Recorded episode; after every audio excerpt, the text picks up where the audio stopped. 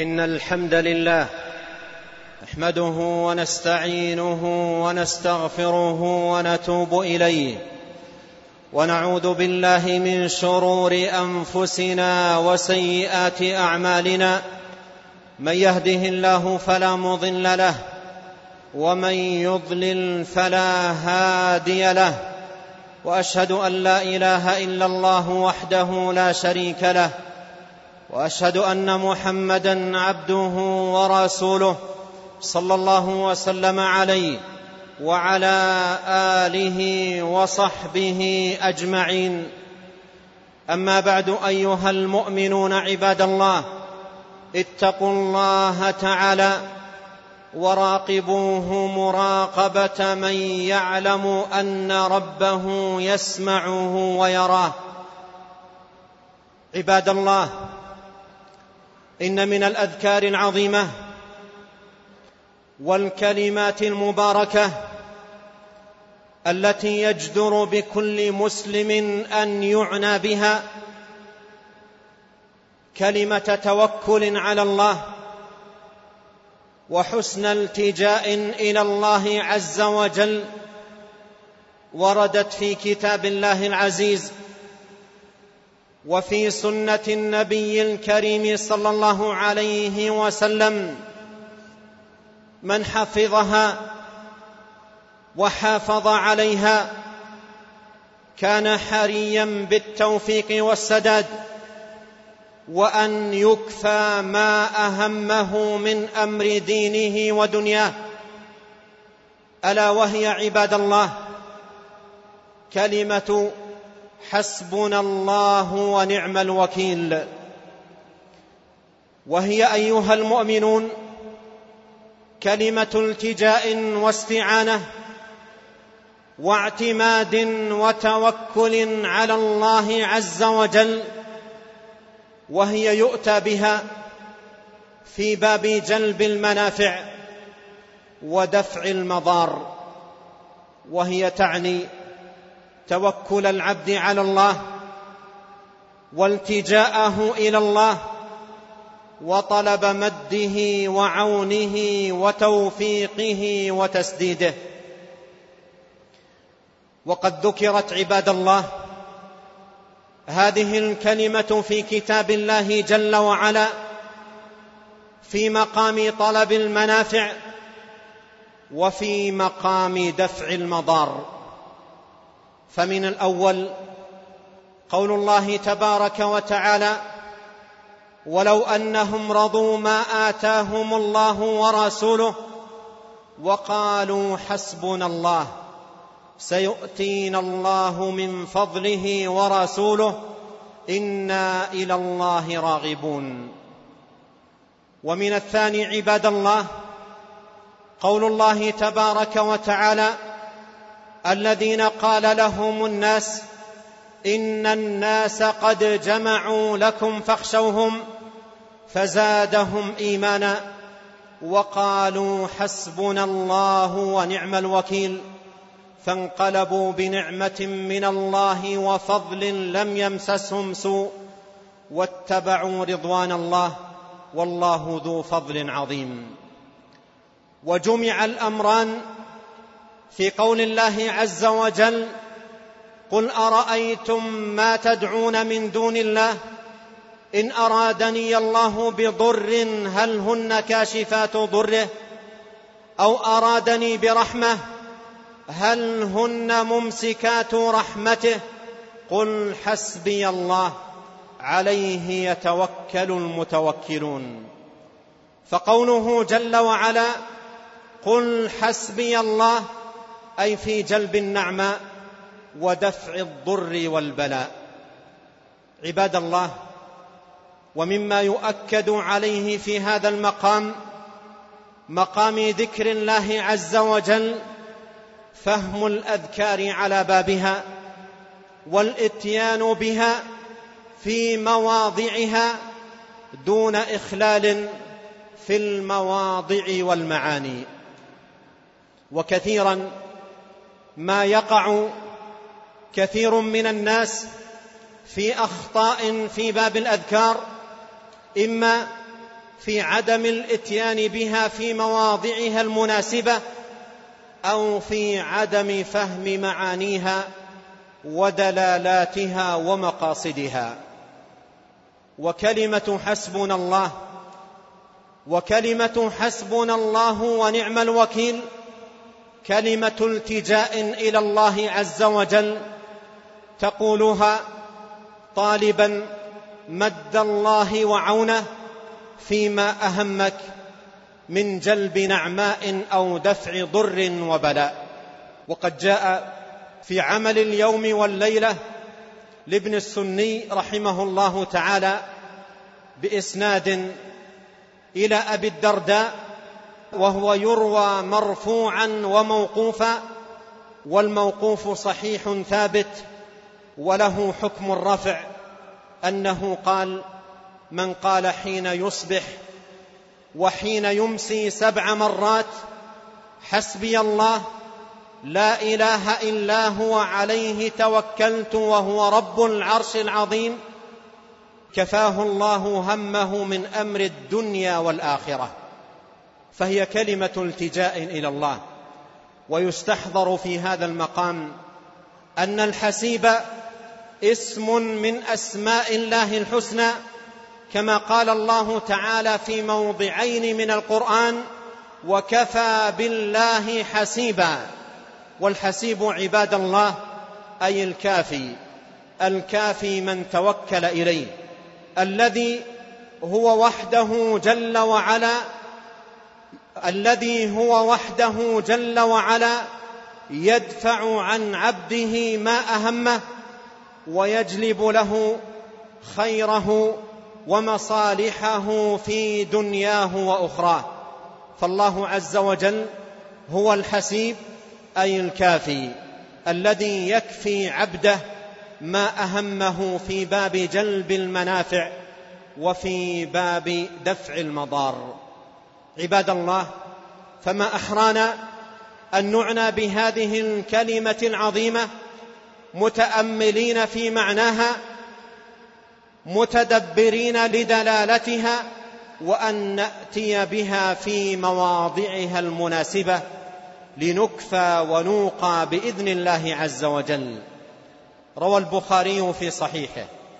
عن ابن عباس رضي الله عنهما قال حسبنا الله ونعم الوكيل. قالها إبراهيم الخليل حين ألقي في النار. وقالها محمد صلى الله عليه وسلم وأصحابه حين قالوا إن الناس قد جمعوا لكم فاخشوهم فزادهم إيمانا. وقالوا حسبنا الله ونعم الوكيل. فكلمة حسبنا الله هي كلمة الأنبياء. وهي كلمة التجاء إلى الله عز وجل واعتصام به سبحانه وتعالى.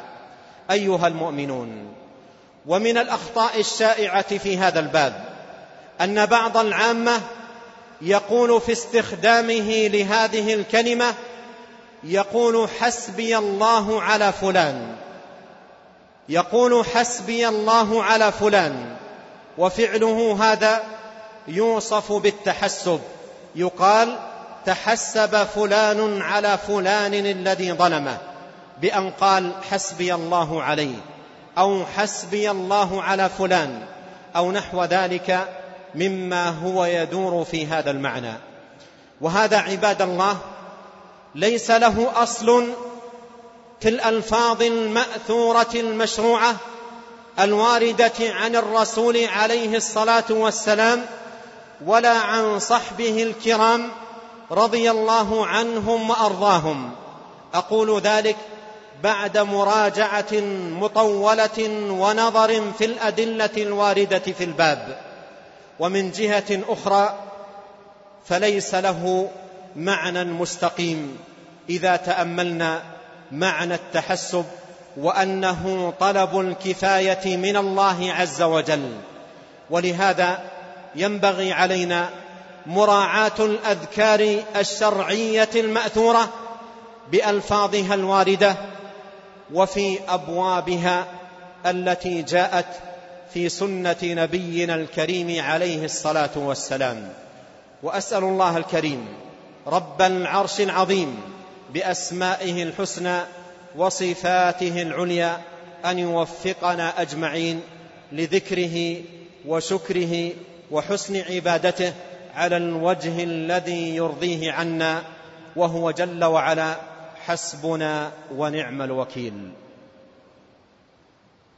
الحمد لله عظيم الإحسان واسع الفضل والجود والامتنان وأشهد أن لا إله إلا الله وحده لا شريك له وأشهد أن محمدا عبده ورسوله صلى الله وسلم عليه وعلى آله وصحبه أجمعين. أما بعد أيها المؤمنون عباد الله اتقوا الله تعالى فإن من اتقى الله وقاه وأرشده إلى خير أمور دينه ودنياه. أيها المؤمنون عباد الله تذكروا رعاكم الله أننا في هذه الحياة الدنيا في دار ممر وعبور ومن ورائها الدار الآخرة. يوم نقف أجمعين يوم نقف أجمعين بين يدي الله عز وجل وهناك يسأل العباد عما قدموا في هذه الحياة. فمن علم أنه واقف بين يدي الله وأن الله عز وجل سائله على ما قدم فليعد للمسألة جوابا وليكن الجواب صوابا والكيس من دان نفسه وعمل لما بعد الموت والعاجز من أتبع نفسه هواها وتمنى على الله الأماني. واعلموا أن أصدق الحديث كلام الله وخير الهدى هدى محمد صلى الله عليه وسلم وشر الأمور محدثاتها وكل محدثة بدعة وكل بدعة ضلالة وكل ضلالة في النار. وعليكم بالجماعة فإن يد الله على الجماعة. وصلوا وسلموا رعاكم الله. على محمد بن عبد الله كما أمركم الله بذلك في كتابه فقال إن الله وملائكته يصلون على النبي يا أيها الذين آمنوا صلوا عليه وسلموا تسليما. وقال صلى الله عليه وسلم من صلى علي واحدة صلى الله عليه بها عشرا اللهم صل على محمد وعلى آل محمد كما صليت على إبراهيم وعلى آل إبراهيم إنك حميد مجيد وبارك على محمد وعلى آل محمد كما باركت على إبراهيم وعلى آل إبراهيم إنك حميد مجيد. وارض اللهم عن الخلفاء الراشدين الأئمة المهديين أبي بكر وعمر وعثمان وعلي. وارض اللهم عن الصحابة أجمعين وعن التابعين ومن تبعهم بإحسان إلى يوم الدين. وعنا معهم بمنك وكرمك وإحسانك يا أكرم الأكرمين. اللهم أعز الإسلام والمسلمين وأذل الشرك والمشركين ودمر أعداء الدين. واحم حوزة الدين يا رب العالمين. اللهم آمنا في أوطاننا وأصلح أئمتنا وولاة أمورنا. واجعل ولايتنا في من خافك واتقاك واتبع رضاك يا رب العالمين. اللهم وفق ولي أمرنا لما تحب وترضى وأعنه على البر والتقوى. اللهم وفق جميع ولاة أمر المسلمين.